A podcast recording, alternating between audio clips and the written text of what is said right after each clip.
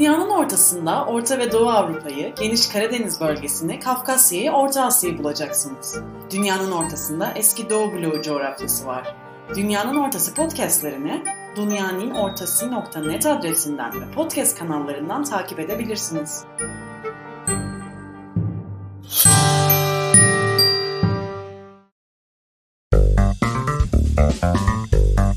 Türkiye-Ukrayna ilişkileri İçişleri Bakanı Arsen Avakov'un beyanatı ve ötesi. Uzun sayılabilecek bir aradan sonra dünyanın ortasından bir kez daha merhaba. Bir süreden beri Dünyanın Ortası podcastlerine teknik nedenlerden dolayı ara vermiştik. Bunun yanında Orta Doğu Teknik Üniversitesi Avrasya Çalışmaları Programı ve Karabük Üniversitesi Bölge Çalışmaları Programı'nın ortaklaşa düzenlediği Zoom, YouTube ve Facebook'tan canlı yayınlanan Eurasia Talks, Avrasya Söyleşileri seminer dizisinin yayımına devam ettiğimizi hatırlatmak isterim. Bu seminerlerin video kayıtlarını Dünyanın Ortası Facebook sayfasından ve YouTube kanalından izleyebilirsiniz. Bugün konumuz Ukrayna ve Türkiye-Ukrayna ilişkileri. Konuğumuz ODTÜ Sosyoloji Bölümü öğretim üyesi Profesör Doktor Ayşegül Aydıngün. Hocam hoş geldiniz. Hoş bulduk, teşekkür ederim. Peki neden bu konu? Daha doğrusu neden şimdi? ABD Başkanı Joe Biden'ın 24 Nisan'da yaptığı açıklamada Ermeni soykırımı ifadesini kullanması beklendiği üzere Türkiye'de pek çok tepkiye ve tartışmaların yaşanmasına neden oldu. Burada 1915 olayları ve soykırım tartışması yapmayacağız. Ancak hepimizin şahit olduğu bu gelişmelerin 1915 konusunun Türkiye devleti ve halkı için ne kadar hassas bir mesele olduğunu bir kez daha gösterdiğini vurgulamak isterim. Bu kapsamda dünyanın ortasının odaklandığı bölge olan eski Sovyet coğrafyasında dikkati çeken bir gelişme, Ukrayna İçişleri Bakanı Arsen Avakov'un 24 Nisan'da yani ABD Başkanı Joe Biden ile aynı günde Ukrayna devletinin Ermeni soykırımını tanıması gerekliliği fikrini savunan bir beyanatının bir kısım Ukrayna medyasında yayımlanması oldu. İşte bu nedenle bugün Profesör Doktor Ayşegül Aydıngün'le bu kapsamda biraz Ukrayna'yı, biraz da Türkiye-Ukrayna ilişkilerini konuşacağız. İlk olarak tanımayanlar için Ayşegül Aydıngün'ü kısaca tanıtmak isterim. Profesör Aydıngün'ün çalışmaları ağırlıklı olarak etniste, kimlik, etnik ve milli kimliklerin inşası, din ve sekülerlik gibi konular üzerinde yoğunlaşıyor. Ayşegül Hoca, Sovyet sonrası coğrafya üzerine çalışan bir sosyolog. Son yıllarda ağırlıklı olarak Kafkasya ve Karadeniz bölgesi ülkeleri üzerinde çalışıyor kendisini ülkemizde yeni yeni gelişmekte olan bölge çalışmaları disiplininin eski Sovyet coğrafyasına odaklanan en önemli temsilcilerinden biri olarak nitelemek yanlış olmayacak.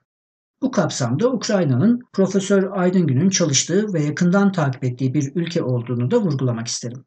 Profesör Aydıngün'ün son çalışmalarından biri editörlüğünü Profesör Doktor İsmail Aydıngün ile birlikte yaptığı ve aynı zamanda yazarlarından olduğu Mart 2020'de yayınlanan Sovyet sonrası Ukrayna'da devlet, toplum ve siyaset, değişen dinamikler, dönüşen kimlikler başlıklı kitap. Bu kitabın Sovyet sonrası ya da daha doğrusu Euromeydan sonrası Ukrayna hakkında Türkçe yayınlanmış en güncel ve kapsamlı çalışma olduğunu rahatlıkla söyleyebilirim. Ayrıca bu kitabın masa başı bir çalışma değil, kapsamlı bir saha araştırmasının ürünü olduğunu da eklemem gerekiyor. Bu kitapla ilgili bir tanıtım toplantısı Eurasia Talks, Avrasya Söyleşileri kapsamında canlı yayınla 6 Mart günü gerçekleştirilmişti. Bu etkinliğin video kaydını Dünyanın Ortası Facebook sayfası ve YouTube kanalından izleyebilirsiniz. Profesör Aydıngün'ün Ukrayna'ya olan akademik merakı yeni değil. 2001 yılından bu yana Kırım ve Ukrayna üzerine çalışmaya devam ediyor. Kendisi aynı zamanda Kırım'ın Rusya tarafından işgali ve yasa dışı ilhakından yaklaşık bir yıl sonra 27-30 Nisan 2015 tarihlerinde Kırım'a giden gayri resmi Türk heyetinin de bir üyesiydi ve orada gerçekleştirilen mülakatların verilerine dayanılarak hazırlanan Rusya Federasyonu'nun Kırım'ı ilhak sonrasında Kırım Tatarlarının durumu başlıklı Kırım raporunun da yazarlarındandı. 5 Haziran 2015 tarihinde yayınlanan bu raporu internetten bulabilirsiniz. Hocam, isterseniz ilk olarak Ukrayna İçişleri Bakanı Arsen Avakov'un 24 Nisan'daki beyanatının uluslararası ilişkiler ve Türkiye-Ukrayna ilişkileri açısından ne anlama geldiğiyle başlayalım. Bu konudaki görüşleriniz nelerdir acaba? Ee, öncelikle belirtmek isterim ki Avakov'un beyanatı oldukça talihsiz bir beyanattır. Ancak onun bu beyanatının devletin resmi görüşüyle örtüşmediğini de hemen vurgulamak isterim. Ukrayna devletinin bu konudaki görüşü gayet nettir ve Avakov'un görüşleri Ukrayna devleti nezdinde kabul edilmemektedir. Aslında Avakov'un girişimi Ukrayna'da 2015 olayları ile ilgili siyasal alanda gördüğümüz ilk girişim değil. 2013, 2015, 2019 ve 2020'de Ukrayna parlamentosuna sunulan 1915 olaylarının soykırım olarak tanınmasına dair dört öneri olduğunu görüyoruz. Bu durum bence oldukça çarpıcı. 2011'de Türkiye ve Ukrayna arasında ilan edilen stratejik ortaklık ve 2014'ten sonra derinleşen ve gerçekten stratejik bir boyut alma emareleri gösteren bir ilişki söz konusu. Bunlara rağmen 2013'ten bu yana Türkiye'yi rahatsız edeceği çok belli olan dört benzer girişimi ve Avakov'un beyanatını görüyoruz. Öte yandan siz bu konuda Ukrayna devletinin tutumunu belirttiniz. Bunları bir bütün olarak ne şekilde yorumlayabiliriz o halde? Ortada çok çelişkili bir durum var gibi, öyle değil mi? Evet, e, senin de söylediğin gibi Avakov'un beyanatı bir ilk değil ve yakın zamana kadar da genellikle Ukrayna'daki Avakov gibi Ermeni siyasetçilerin 1915 olaylarının soykırım olarak tanınması gerektiğine ilişkin görüşlerini dile getirdiklerini biliyoruz. Bizler için Ermenilerin bu görüşleri dile getirmeleri bir sürpriz değil. E, zira hepimizin bildiği gibi Ermeni kimliğinin sürekliliğini ve kuşaktan kuşağa aktarılmasını sağlayan sözde soykırım ve Türk düşmanlığı. Diasporada yaşayan Ermenilerin önemli bir kısmı için asılsız ve tarihsel olgularla örtüşmeyen Ermeni soykırımı iddialarını savunmak, vatandaşı oldukları ülke ile kurdukları bağ ve yaşadıkları ülkenin çıkarlarını savunmaktan çok daha önemli. Bu bazı durumlarda Rusların, bazı durumlarda ise batılı ülkelerin politikalarına hizmet ediyor ve elbette Ermeni diasporasının bağlarını konsolide ediyor. Avakov'un beyanatının bir ilk olmaması ve 2013'ten bu yana benzer görüşlerin ifade edilmesi bize Ukraynalı Ermeni siyasetçilerin 1915 olaylarını yani sözde soykırım meselesini sistematik bir şekilde gündeme taşıdıklarını açıkça gösteriyor. Yani bu girişimleri tüm sosyalleşme süreçleri boyunca içselleştirdikleri sözde soykırımın duygusal bir dışa vurumu olarak değerlendirmemiz mümkün değil. Bu girişimler uzun soluklu bir mücadelenin, hedefleri belli olan bir siyasetin bilinçli adımları bence. Bu girişimlerin en önemli sebeplerinden biri de son yıllarda özellikle de 2014 sonrasında sürekli olarak gelişen, güçlenen ve derinleşen Ukrayna-Türkiye ilişkilerine zarar vermektir. Türkiye-Ukrayna ilişkilerinin zarar görmesinden memnuniyet duyacak ülkeler olduğunu hepimiz biliyoruz. Ukrayna-Türkiye ilişkileri demişken Avakov'un beyanatından iki hafta önce Ukrayna Cumhurbaşkanı Zelenski, dokuzuncusu gerçekleştirilen Türkiye-Ukrayna Yüksek Düzeyli Stratejik Konsey toplantısı için Türkiye'yi ziyaret etti. Bu ziyaretin Ukrayna ve Rusya arasındaki gerginliğin çok üst bir düzeye çıktığı bir ortamda pek çok kişinin bir savaş olasılığını değerlendirdiği bir zamanda gerçekleştirildiğini hatırlatayım. Cumhurbaşkanları Zelenski ve Erdoğan düzenledikleri ortak basın toplantısında iki ülke arasındaki savunma sanayi işbirliğini vurguladılar ki bunun anlamı iki ülke arasındaki stratejik nitelikli ilişkilerin geliştirilmesi iradesidir. Ayrıca içinde bence çok önemli ifadelerin yer aldığı 20 maddelik bir ortak bildiri de yayınlandı. Bu bildiride örneğin Ukrayna'nın toprak bütünlüğünün yeniden tesisi için iki ülkenin eşgüdümlü adımlar atmaya devam edeceği ifadesini görüyoruz. Eşgüdümlü adımlar ifadesi Türkiye'nin Ukrayna-Rusya ihtilafında Ukrayna lehine aktif müdahil bir taraf olduğunun beyanı şeklinde de okunabilir. Eğer bu okuma doğruysa bu Türkiye'nin kendi güvenliğini tehdit etmediği sürece etrafındaki çatışmalara müdahil olmama politikasından bir sapma anlamına geliyor. Bence çok çarpıcı bir gelişme. Ayrıca bildirinin 9. maddesi Donbas'la ilgili. Son olarak 15. maddede Karadeniz'de istikrar ve güvenliğin sağlanması için NATO dahil ikili ve çok taraflı mekanizmaların kullanılmasına dair bir ifade var. Bildiğimiz üzere Türkiye her zaman için kıyıdaş olmayan devletlerin ve NATO'nun Karadeniz'deki askeri varlığına kuşkuyla bakmıştır.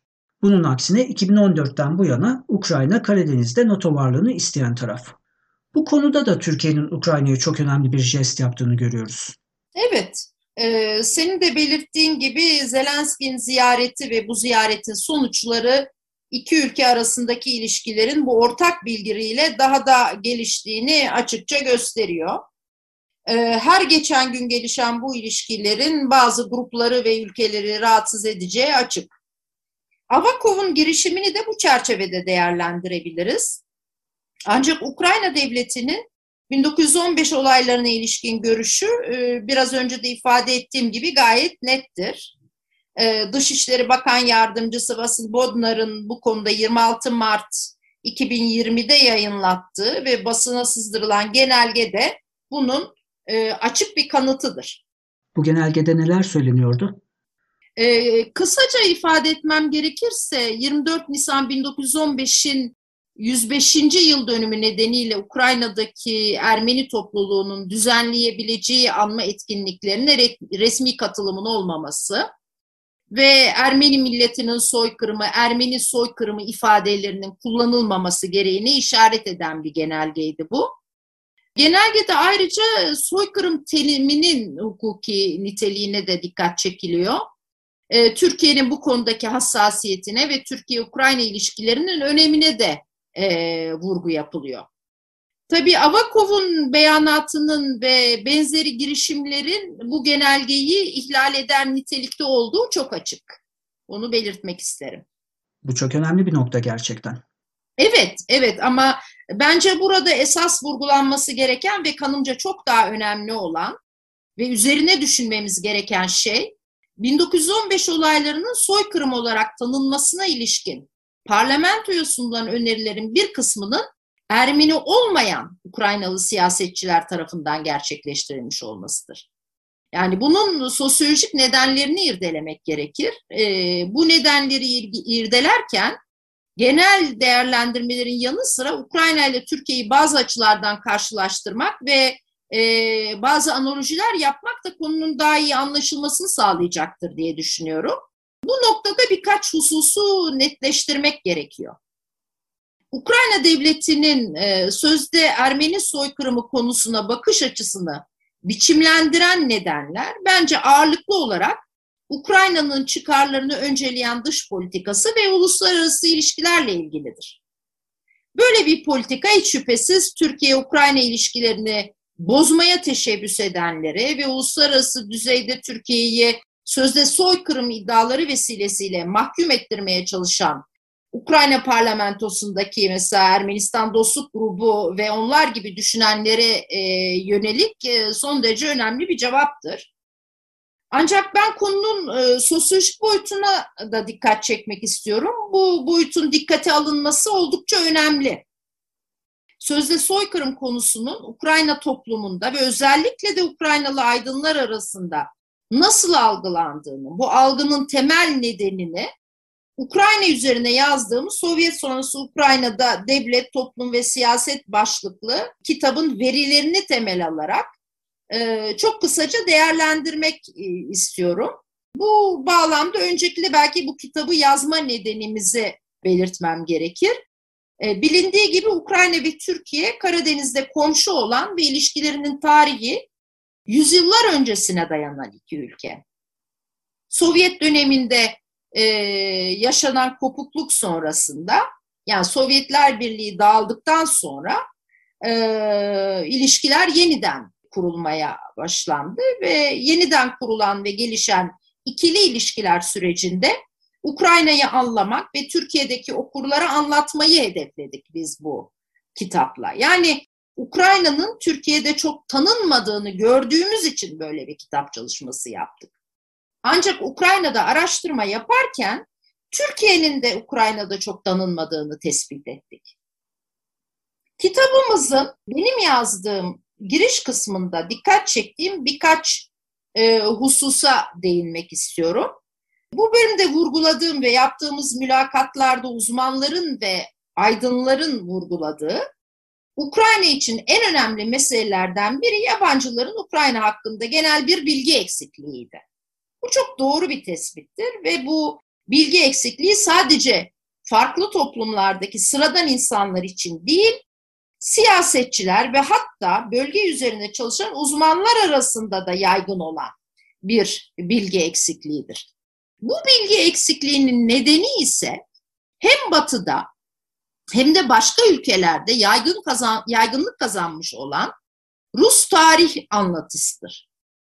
Yeni yeni güçlenen ve şekillenen Ukrayna anlatısı karşısında üstünlük kazanmış olan ve aslında batıdaki literatürü de büyük ölçüde etkileyen ve biçimlendiren bu Rus anlatısı sadece batılı aydınların önemli bir kısmını değil, batı kaynaklarından veya Rus kaynaklarından beslenen Türk aydınlarının da bir kısmını Ukrayna'ya ilişkin görüşlerini biçimlendirmekte ve bazı yanlışların ve yalanların yaygınlaşmasını sağlamaktadır. Öte yandan Ukraynalı aydınların bir kısmının da Türkiye'ye ilişkin görüşlerinin Batı kaynakları ve Rus kaynaklarından edinilen bilgilerle şekillendiğini de belirtmek isterim. Zira bu bizim araştırmamız boyunca yaptığımız mülakatlar sonucunda elde ettiğimiz önemli bulgulardan biriydi. Yani Ukraynalı aydınlar şikayet ettikleri şeyi bir yandan da Türkiye'ye karşı kendileri yapıyor. Evet öyle diyebiliriz. Bu bağlamda önemli bir olguya dikkat çekmek istiyorum. O da artık hem Batı ülkelerinde hem de bazı başka ülkelerde yaygınlık kazandırılmış ve Türk anlatısı karşısında üstünlük kazanmış olan bir Ermeni tarih anlatısının var olduğudur. Bu tarih anlatısı soykırım iddiasını sorgulanmasına dahi gerek olmayan tarihsel bir olgu olarak o kadar çok anlatmıştır ki bu anlatı tarihsel gerçeklerle örtüşmemesine rağmen Türk tarihi anlatısı karşısında önemli bir üstünlük elde etmiştir. Şüphesiz Ermenilerin çabalarıyla yaygınlaşan ve batılı ülkelerin menfaatleri doğrultusunda kurgulanan ve kullanılan bu tarih anlatısı akademik yayınlar, işte popüler yazılar, romancılar aracılığıyla tüm dünyaya yayılmaktadır. Öyle anlaşılıyor ki bu anlatı Ukrayna'da Ermeni siyasetçilerin yanı sıra Ermeni olmayan bazı siyasetçiler ve bazı aydınlar arasında da etkisini arttırmaya başlamıştır. Analojilerin önemine dikkat çekmiştim biraz önce. Dolayısıyla bence Batı dünyasında yaygınlaşmış bu Ermeni tarih anlatısını Ukrayna örneğinde Rus tarih anlatısıyla karşılaştırabiliriz. Rus tarih anlatısı da Ermeni tarih anlatısı gibi Batı'da bir üstünlük elde etmiş ve içinde önemli yalan ve yanlışları barındıran bir anlatıdır. Nasıl Rus tarih anlatısı Ukrayna hakkındaki tarih yazımını belirler bir hal almışsa, Ermeni tarih anlatısı da Batı'da Türk tarihi hakkındaki algıyı büyük ölçüde belirlemiş durumdadır. Her iki tarih anlatısı da içerisinde bilinçli olarak üretilmiş pek çok olgu ve yorum yanlışı içerdiğinden güvenilir değildir. Biz bunun tabii Ukrayna boyutunu kitabımızda kapsamlı bir şekilde inceledik. Bazı örnekler vererek ve analojilere devam ederek konuyu açabilirim. Mesela Ermeni tarih anlatısıyla benzer üstünlüğe sahip olan Rus tarih anlatısı Ukraynileri faşist olarak tanımlamaktadır. Bu gerçek dışı suçlama büyük ölçüde Batı'da artık tartışılmasına gerek olmayan bir doğru olarak içselleştirilmiştir. Bu gerçeklerle örtüşmeyen çok ağır bir suçlamadır. Bu Ukraynileri mahkeme kararlarıyla kabul edilen Ruanda, Bosna soykırımlarının failleriyle ve Yahudi soykırımının suçlusu Nazi Almanyası ile aynı kefeye koymak demektir aynı zamanda. Türkleri de soykırımla suçlamak aynı şekilde onları Ruanda, Bosna ve Yahudi soykırımlarının failleriyle bir tutmaktır. Bu haksız ve gerçek dışı bir suçlamadır ve bunu kabul etmek e, mümkün değildir. İkinci bir örnek, bu anlatıları üretenlerin amaçlarıyla ilgili olarak verilebilir. Peki Ermenilerin amacı nedir? Yani ne istemektedirler diye soracak olursak bunun cevabı tabii Büyük Ermenistan'dır. Sözde soykırım iddiası üzerine kurulmuş ve güçlendirilmiş bir Ermeni kimliğine sahip birçok Ermeni, Büyük Ermenistan'ı kurmak için hem Osmanlı döneminde hem de sonrasında çaba sarf etmişlerdir.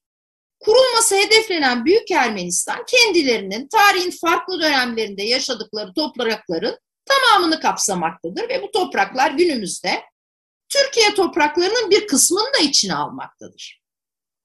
Ermenilerin bu idealini ve amacını Rusya'nın Rus dünyası ve yeni Rusya anlayışına benzetmek mümkündür. Yani Rus Kimir ve Novorossiya'nın yani yeni e, Rusya ve Rus dünyasının bir hedefi de uluslararası düzeyde tanınmış hatta Rusya'nın da resmi olarak tanıdığı Ukrayna topraklarının bir kısmını Rusya topraklarına dahil etmektir. Oldukça ilginç ve çarpıcı benzerlikler. Peki son olarak şunu da sormak isterim. Rus ve Batı kaynaklarının kendi çıkarları doğrultusunda şekillendirdikleri ve sizin ifadelerinize göre üstünlük kazanmış olan Türkiye'ye ilişkin tarih anlatısının etkisi Ukrayna'da sadece 1915 olaylarıyla mı sınırlı? E, bu çok önemli bir soru ve cevabı hayır. Konumuzdan uzaklaşmadan çok kısaca yanıtlamak isterim. Ee, Rus ve Batı kaynaklarının Ukraynalı aydınların ve uzmanların görüşlerini etkileme gücü aslında Türkiye'de de olduğu gibi sadece Ermeni meselesiyle sınırlı değil. Bunun Kıbrıs konusunda ve başka konularda da söz konusu olduğuna bizzat şahit oldum. Mesela Kıbrıs'ta işgalci olduğumuzu düşünen Ukraynalı aydınlar ve uzmanlar var. Aralarında sosyal bilimciler de var. Şüphesiz farklı görüşler olabilir. Siyasetçiler kendi ideolojileri doğrultusunda veya siyaseten doğru buldukları biçimde görüş belirtebilirler. Ancak sosyal bilimcilerin bilimsel doğrulardan uzaklaşmamaları, e, bilim ve siyasetin ayrı alanlar olduğunun bilincinde olmaları gerekiyor. Bazı yazarların savunduğunun aksine angaje ve üstünlük kazanmış tarih anlatılarına eleştirel yaklaşmayan bir sosyal bilimcinin toplumsal gerçeklikleri anlamasının mümkün olmayacağı kanaatindeyim. Dolayısıyla sağlam bir metodolojik zemine oturan sosyolojik araştırmaların üzerine çalışan topluluklar, toplumlar ve çeşitli olguların mümkün olan en tarafsız şekilde anlaşılmasını ve anlatılmasını sağlayacağını düşünüyorum. Özellikle de sağ araştırmasına dayanan sosyolojik araştırmaların sosyal bilimcilerin Türkiye ve Ukrayna'nın tarihsel ve toplumsal gerçeklerini daha iyi anlamalarını, Türkler ve Ukraynalıların birbirlerini daha iyi tanımalarını mümkün kılacağına inanıyorum. Bu tür araştırmaların iki ülkenin ilişkilerine çok önemli, olumlu ve siyasi konjonktürden bağımsız, kalıcı bir katkı sağlayacağı kanaatinde olduğumu da belirtmek isterim. Profesör Ayşegül Aydıngün, Ayşegül Hocam vakit ayırıp dünyanın ortasına konuk olduğunuz için çok teşekkür ederim. Böylece Dünyanın Ortası podcastlerine güzel de bir geri dönüş yapmış olduk. Ben de çok teşekkür ediyorum. Çok sağ ol Turgut. Dünyanın ortasında yeniden buluşmak üzere. Herkese iyi günler. İyi günler, teşekkürler.